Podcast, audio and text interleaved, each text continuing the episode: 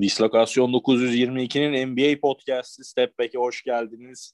Bugün Mustafa ile beraber e, NBA'de konferans finallerini değerlendireceğiz. E, bir batıda konferans finalleri iki maç oynandı. E, doğudaki ilk maçta bu gece oynanacak. Mustafa iyi akşamlar nasılsın iyi misin? Teşekkürler sağ ol Sinan sen nasılsın? Ben de iyiyim valla. E, müjdeli bir haber aldım bugün. Ee, Cuma Cuma günden itibaren aşılanabileceğimi öğrendim. Ee, buradan da herkese aşı olmalarını söyleyelim. Aşı tembihi yapalım. Aşı karşıtlığına da karşı olduğumuzu belirtelim. Evet, aşı karşıtlarını şu an aldık. Biz de onları karşımıza aldık şu an. Bakalım sonumuz nereye gidecek. Ee, önce nereden başlayalım sen seç. Ee, Valla şey istersen şey yapalım ya. Hani e, olmuş maçları konuşalım. Hı hı. Oynanmış maçları Suns Clippers serisindeki. oradan girelim. Sonrasında zaten dümene sen geçersin. Tamamdır. O zaman e, yani için 2-0 önde Phoenix Suns. E, Los Angeles Clippers her e, serisinde olduğu gibi bu sene bu serisinde de 2-0 geriye düşmeyi başardı. E, ekstra bir gaza gelme e, belki de faktörü bu onlar için. 2-0 geriye düşmek ama e, Kavay'ın ne zaman döneceği belli değil. Valla şey maçlarda gördüğüm durum şu oldu. Şimdi Clippers'ın yapısal olarak e, oynayabileceği oyunlar aslında biraz kısıtlı baktığımız zaman. Çünkü e, birbirine çok uyumsuz parçalar var kağıt üzerinde ama işte Clippers bunu biraz daha kırdı. Tyronn Lue'nun değişimleriyle özellikle asistan koçların saha içerisindeki o e, çizdiği setler olsun, oynatmaya çalıştıkları hücum prensipleri olsun. E, bu sene biraz daha hani farklı bir yapıya büründü ama hani hala da kısa beş mi oynayalım, e, sürekli switch yapalım yoksa hani bir uzunla beraber oyunu döndürelim, oyunun oyunun akışını sağlayalım derken e, şey hem Dallas serisinde hem Utah serisinde geriden başladı. Bu seriyede 2-0 geride e, devam ediyor. Bunun temel sorunu da şu e, switch savunmasında olabilecek e, uzuna sahip değiller. Bu var aslında ama sakat pas, e, Ibaka Pascal Siakam diyecektim. Sergey Ibaka bu duruma bu role çok uygun ama sakat olduğu için oynatamış. Şimdi Abi kısa beşli oynattığın zaman senin Devin Booker o switchlerini çok fazla yaparsan sen o adamı e, önünü çok rahat açıyorsun. Evet. Yani sabit daha böyle yamyam savunmacılar koyman lazım ki canından bezdiresin Devin Booker'ı ve ritmini bozlasın.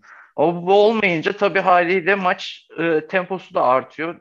Clippers da tempodan beslenip şey yapmak istiyorlar. İkinci maç bunu değiştirdiler ama gene olmadı. E, olay hatta Phoenix Suns çok kötü üçlük atmasına rağmen dış şutlarda kötü olmasına rağmen verimsiz atmasına rağmen bir de böyle bir tablo olunca yani Clippers'ın işi daha da zorlaşıyor. Yani e, çünkü çok fazla op oynayabilecek bir opsiyonu kalmıyor saha içerisinde. E Phoenix'te zaten hani oturmuş bir takım. Sezon başından beri bana kalırsa en hani ne yaptığını bilerek oynayan bir takım halinde. Bir yandan da zaten hani e, bu itirafı da yapmamız gerekiyor. Yani kabul etmemiz gerekiyor. Çok olağan dışı bir sezon olduğu için yani sakatlıklar, onlar bunlar derken e, Phoenix'in de biraz kısmeti açıldı bu konuda. Kısmetli oldu. Çünkü oturmuş bir yapıyla beraber hiç fazla sıkıntı yaşamadan tak tak tak tak ilerlediler. Bir de bir Chris Paul da dönecek. Bakalım ne olacak bilmiyor ama Phoenix Suns'ı ben çok önde görüyorum. Yani Clippers'ın e, yapabilecekleri çok kısıtlı yani. Di evet. Serinin diğer kalan maçları için.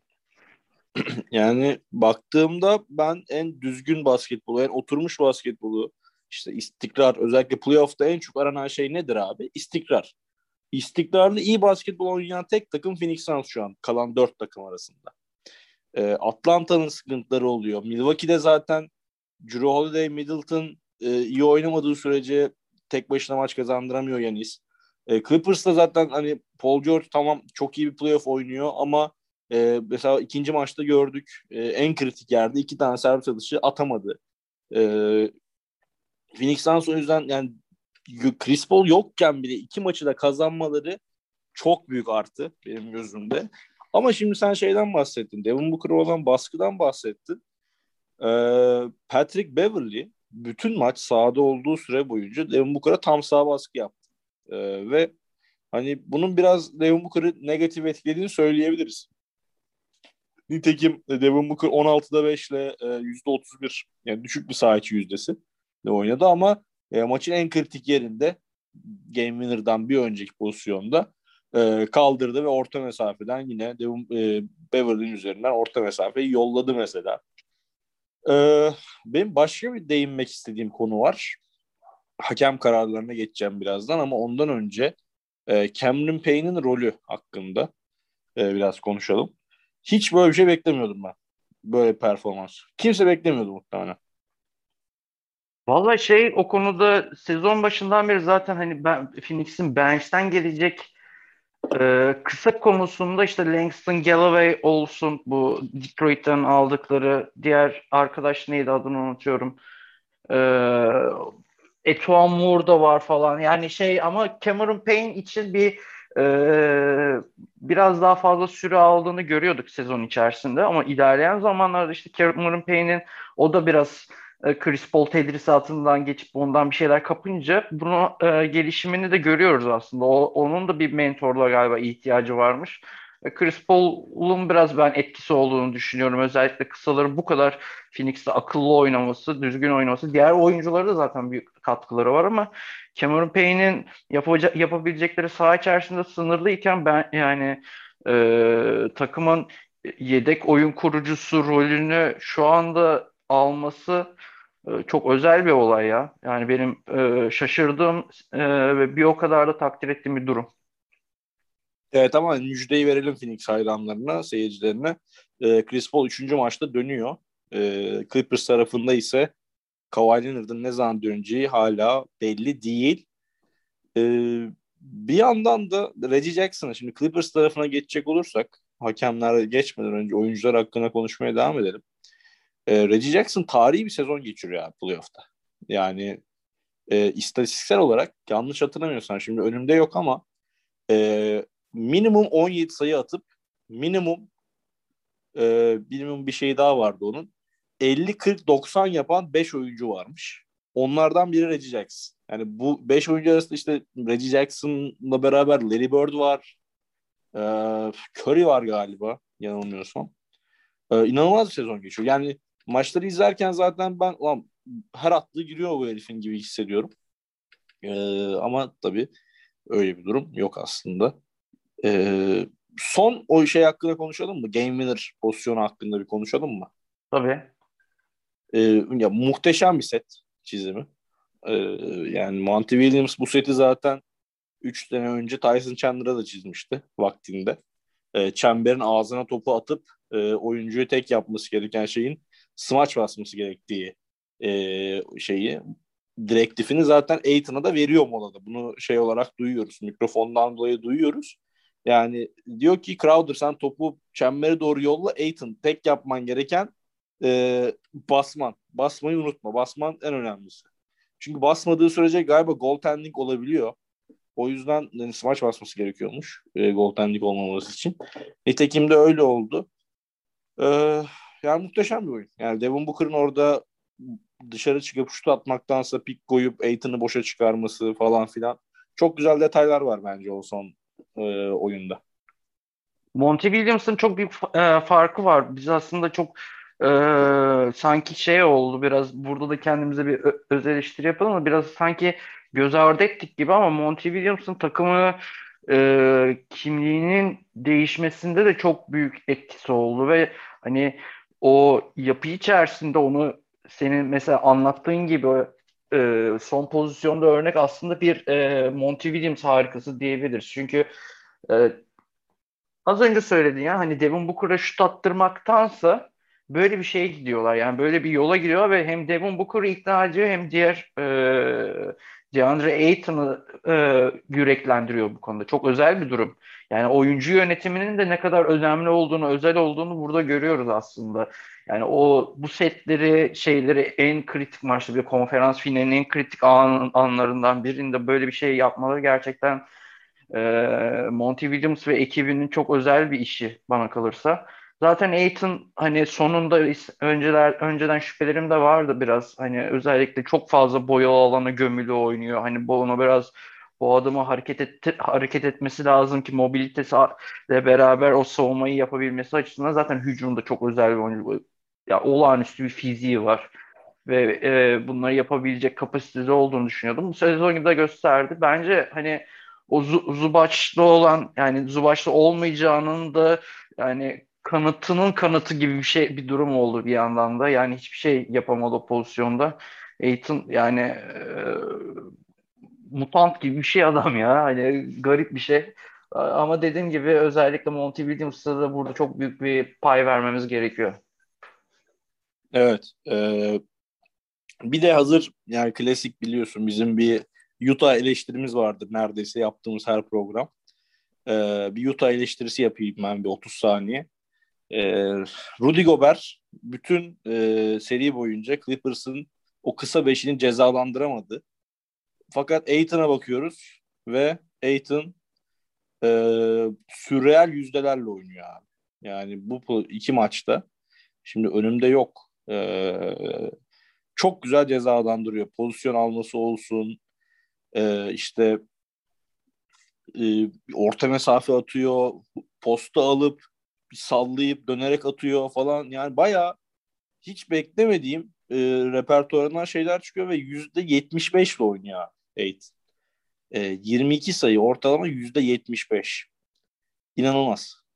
Yok ya, gel- şey ya. ya e, yani zaten gel- gelişimi konusunda işte biraz daha ben hızlı olmasını bekliyordum ama daha hani kıvamını arttıra arttıra böyleleri gelmesi çok daha sağlıklı olmuş. Ben o konuda hani hakkını vermek gerekiyor. Yani Rudy Gobert özelinde de zaten hani abi e, senin uzunun eğer sahada uzun barındıracaksan yani daha çok daha hareketli mobil olması gerekiyor. İşte fark da orada çıkıyor. Yani Rudy Gobert bir şey yapamıyorken, kısa bir şey cezalandıramıyorken ikinci maçta hemen e, Tyron Lue ve ekibi sahaya uzunları attı. De, e, Zubas'lı Demarcus Cousins'ı. Ya aradaki fark buradan ortaya çıkıyor zaten. Hani uzunun ne kadar önemli olduğunu yapıldığın e, takım yapısının, takım şemasının içerisindeki önemi ve bulundurulması gereken noktayı da gösteriyor yani. Evet. E, istersen doğu tarafına geçelim. Geçelim. E, şimdi doğu tarafında tabii bakıyoruz. Yorgun bir e, Atlanta Hawks var e, Philadelphia. Yorucu bir Philadelphia serisinden çıktılar. E, hiçbir şey yani daha analize analize girmeden sana şunu soracağım. Kaç maç kim alır? Valla 7 maça gider ya. Ben ama bir, bir adım önde görüyorum Atlanta'yı çünkü rotasyonu geniş ve hani kullanmayı iyi biliyor ve çoğu da e, sıcak oyuncular. Yani e, birileri Trey Young, Bogdanovic devreye giremediği zaman mutlaka birisi devreye giriyor yani. Gallos'u giriyor, Lou Williams'ı giriyor, Kevin Örter'i giriyor. Giriyor yani o konuda ben hani bir tık avantajlı görüyorum Atlanta'yı ama tabii Milwaukee savunmayla, fizikle bir fark koyacaktır. Yani ben Yanis'i savunacak biri olduğunu düşünmüyorum Atlanta'da ya. Yani bakıyorum kadroya. Ee, ama göremiyorum abi. Neden göremiyorum? Beni aydınlatır mısın bu konuda? Ya çünkü şöyle bir durum var. Sen hani Capelle'ye bence güvenemiyorsun. Yani Okongwu da çaylak. Ee, işte John Collins'tir, e, Gallinari'dir onlar biraz daha dıştan savunabilecek ee, ama çok da fazla böyle aman aman şey yapabilecek durum e, şeyler değil. Ben biraz daha burada işin içerisinde bugün hani programda da konuştuğumuz gibi biraz böyle psikolojik olarak Yanis'i o ritimsizliğe itme konusunda hamleler yapabileceğini düşünüyorum Nate McMillan'ın. Yani evet gerçi o savunma disiplini koruma konusunda iyi bir koç.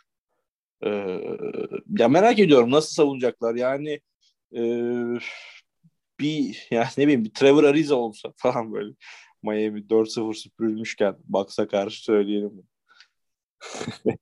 ee, yani bilmiyorum abi bu seri tamamen Drew Holiday ve Chris Middleton'a bakan bir seri bence. Onlar ya, standartların üstünde oynarsa e, Milwaukee çok rahat kazanacak. Ama işte onlarda da bir istikrar göremedik. Ya tabii de o konuda sana kesinlikle katılıyorum. Boş bakkal sendromuna girerlerse ikisi yani Milwaukee için işler hiç iyi gitmez. Çünkü de, yani dediğiniz gibi çok e, atıcı konusunda çok şeyi var tıkanık yani PJ Tucker'a mı güveneceksin? PJ Tucker savunmacı adam yani. Ya da Brook Lopez o kadar aman aman böyle e, şey yapabilecek durumda da değil. E, kim kalıyor ki geriye? Hani o yüzden hani Milwaukee'de bu üçlünün zaten hani e, dikkat ettiysen bilmiyorum Brooklyn serisinin son çeyreğinde gaza bastılar da maçı öyle çevirebildiler. E, çünkü Yanis'in performansı yetmeyecekti. E, çok rahat belli oluyordu. Onlar biraz daha hani savunmada bir şeyler koyunca ve hani hücumda boş hücumları e, boş hücumlarda uğraşmayınca onlardan e, sayı çıkartınca ortaya bu sonuç çıktı Milwaukee ile ilgili ama abi yani yok ya ben hani bazen o saha içerisinde görüyor musun görüyorsun IQ'su o kadar düşüyor ki Milwaukee'nin bir anda böyle ne yapacağını bilmiyor. Atlanta o o hataları bulursa affetmez ya. Yani o bir, hatırlıyor musun Philadelphia ilk maçın ilk çeyreğinde neler yaptıklarını böyle saçma sapan bir saçma sapan bir şey oynandı yani. O yüzden o Atlanta o ritmi tempoyu bulduğu zaman hiç şey yapamıyor. Bir de hani Bogdanovic'i de Trey Young'ı da yani orta mesafeyi iyi kullanıyor. Potaya gidebiliyorlar. Trey Young zaten hiç durmayan bir yapıda. O şey, o şekilde aynı saçma sapan alley pas aralarını yapabildikleri için sahada yani ben Atlanta'nın biraz daha farklı bir şekilde Milwaukee'yi zorlayacağını düşünüyorum. Ee, ya bence de katılıyorum. Ee, yani şey şuna katılır mısın peki? Bu seri John Collins'in istediği parayı hak eden, hak eden, hak eden bir oyuncu mu değil miyi belirleyecek seri bence. Yani evet aslında hani e, şeyde hani çok da fazla aman aman bir performans vermedi. Yani baktığımız zaman serilerde e, New York Knicks işte e, Sixers serilerinde John Collins daha çok bir rol oyuncusu gibiydi. Ama hani e, isteklerin karşılığını bulmasını is, e, istiyorsa senin dediğin gibi göster göstermesi lazım kendini saha içerisinde. Ne, e, nasıl yapabileceği, ne, nasıl skor üretebileceği konusunda. O yüzden onun için de önemli bir şey olacak. Bence dediğine katılıyorum. Yani o e, market fiyatını belirleyecek. Evet. Ee, bakalım. Yakından izleyeceğim John Collins'i. Bu maç, bu seri boyunca. Özellikle Yanis'le eşleşir, eşleşirse nasıl oynayacak, ne yapacak e, merak ediyorum. E, ya benim gönlümden geçen, onu söyleyeyim sana. E, ben biraz underdog severim. Yani e, o yüzden Atlanta diyeceğim ben. E, gerçi bugünkü programda da şey demiştim. E, Milwaukee alır demiştim 5 maçta ama hadi distokasyona özel başka bir şey söyleyeyim. E, Atlanta alır diyorum 7 maçta. E, 7 maç değil pardon 6 maçta alır. Milwaukee Bucks'ta da bir sakatlık bekliyorum. Hadi bakalım. Olacak gibi bir yandan Milwaukee'de yani çok yüklendiler abi bu sezon. Hani sen de sezon başından beri konuşuyoruz bunları. E, Milwaukee'nin o e, şaşalı rotasyonu geniş olduğu zamanlardaki e, fırsatı değerlendiremeden bu sefer de daracık ve hani e, bench'ten neredeyse bazı maçlarda hiç katkı alamadan e, oynadıkları bir dönem görüyoruz. Bunun tam tersine Atlanta'nın çok daha hani e, şeyleri var. E, elinde malzeme var. Hal böyle olunca Milwaukee'nin işi daha da zorlaşıyor. Yani çok fazla böyle e, iyi performans vermesini bekliyorsun. Yani bir yandan da şöyle bir durum var. Şimdi üçü skor ürettiği zaman e, Middleton'da şeyde Drew Holiday'de Yanis'te bunların bir de hani e, kaçıracağı pozisyonlar olacak yani. Ve hani bu kadar çok böyle hani onların üzerine kaldığı zaman yan parçalardan nasıl bir katkı gelecek? Gelmesi gerekiyor ki kazansın maçı. Yoksa hani bu üçü üzerinden de o çok olacağını zannetmiyorum. Yani baktığımız zaman mesela Phoenix, e, dün geceki Phoenix Clippers serisine baktığımız zaman ya Cameron Payne çıkıyor biliyor sahneye. Zaten Devin Booker'la DeAndre Ayton'dan alacağını biliyorsun. e, Michael Bridges'tan da Jay Crowder'dan da ekstra performans bekliyorsun. Tak çıkıyor biri. E, Atlanta'da bunu yapabilecek oyuncular var. Milwaukee'de sen görebiliyor musun? Hani bilmiyorum ya. Ya Chris Middleton 30 sayı ortalaması lazım yok. bence. Çok mu abarttım? Ya yok yok doğru söylüyorsun. 30 atması lazım bir de verimli atması lazım bunları. Yani 2'de 8'de 2 üçlükle 30 sayı atmak çok ne bileyim ya da böyle hani yapmaz. şey ya Yanis şey 15 serbest atışın 7'sini atıyor falan hani e, ama bakmışsın 35 sayı atmış falan. Bunlar aslında biraz ama şey yani verimli olmayan rakamlar oluyor. Bu üçüne yardımcı olabilecek kim var? Brook Lopez. Başka isim aklıma gelmiyor benim yani. Pat Connaughton'a, Bryn Forbes'a iki tane şut attıracağız diye de e, kaç dakika sahada tutacağım meçhul yani onları da. Evet. E, bir unutulan bir şey var Bucks cephesinde. Dante DiVincenzo e, bu takımda kilit bir rolü vardı onun. O sezonu kapadı. Yani e, bu unutuluyor bazen diye hatırlatayım dedim. Tabii canım ee, o, o, ona, istinaden zaten söylüyorum yani sadece Don, Donta DiVincenzo ismini geçirmedim yoksa onun da çok kritik bir rolü vardı baktığımız zaman o sahadaki iki, ikinci kısa olarak yani o ile yardımcı olma konularında yani DiVincenzo'nun eksikliğini çok yaşıyor şu anda Milwaukee Bucks. Evet. Ee, vallahi merak ediyorum ben bu seri. Ya bu seri daha eğlenceli olacak bence Phoenix Suns Clippers serisine göre. izlemesi daha keyifli olacak. Çünkü de, yani Trey Young'ın bu e, nasıl derler? Bu şu an çılgın bir şeydi adam yani. Ulaşılmayacak bir ego seviyesinde bence. Önce New York'u eleyip sonra Philadelphia'yı eleyince e, bakalım o özgüveni Milwaukee seyircisine nasıl etki yapacak? Milwaukee seyircisi onu nasıl karşılayacak? İşte Trey Young'a küfürlü tezahüratlar görecek miyiz? Ee, bilmiyorum. Çok meraklı bekliyorum. Bu geceki maçı da e, kaçırmayın. Yani izleyenlere buradan dinleyenlere seslenelim. Sana son bir şey soracağım. Ee, evet. Trey Young'la ilgili bahsettin ya bu egosu yükseldi et falan diye. Ee, hatırlıyor musun ikisi Doncic'le beraber drafttan seçildikleri zaman hep Doncic'le bir karşılaştırma yapılıyordu. Trey Young'ın hani bu iki sezonda çok e, laga luga geçtiği için Hani on, ona e, bu sezon ortasına kadar da zaten çok ağır eleştiriler vardı. Şimdi çok e, momentum çok değişmiş durumda. Ben e, sence Trey Young bir hani rakip olarak Doncic'i görüp işte bak o iki senedir ilk turda eğleniyor ama ben takımı finale taşıdım kafasına girmiş midir sence?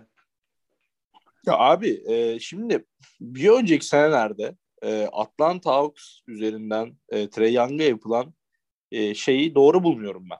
Eleştiriyi doğru bulmuyorum bir kere. Çünkü kötü neden? koçla çalıştı. Abi hem kötü koçla çalıştı. Bak kadroya sayacağım şimdi. Kadrodan sana birkaç isim sayacağım. Hazır mısın? Hazırım. Altıncı adam DeAndre Bembry. Ee, Vince Carter 43 yaşındaydı. Ee, Dwayne Dedman.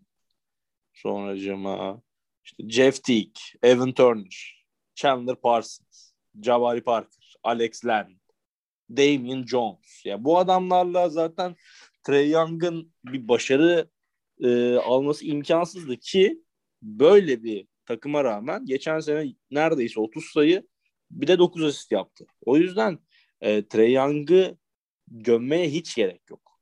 Yani şuna da söyleyeyim ama Hani Doncic'i mi sana verelim, Trey Young'ı mı sana verelim desen ben Doncic alırım.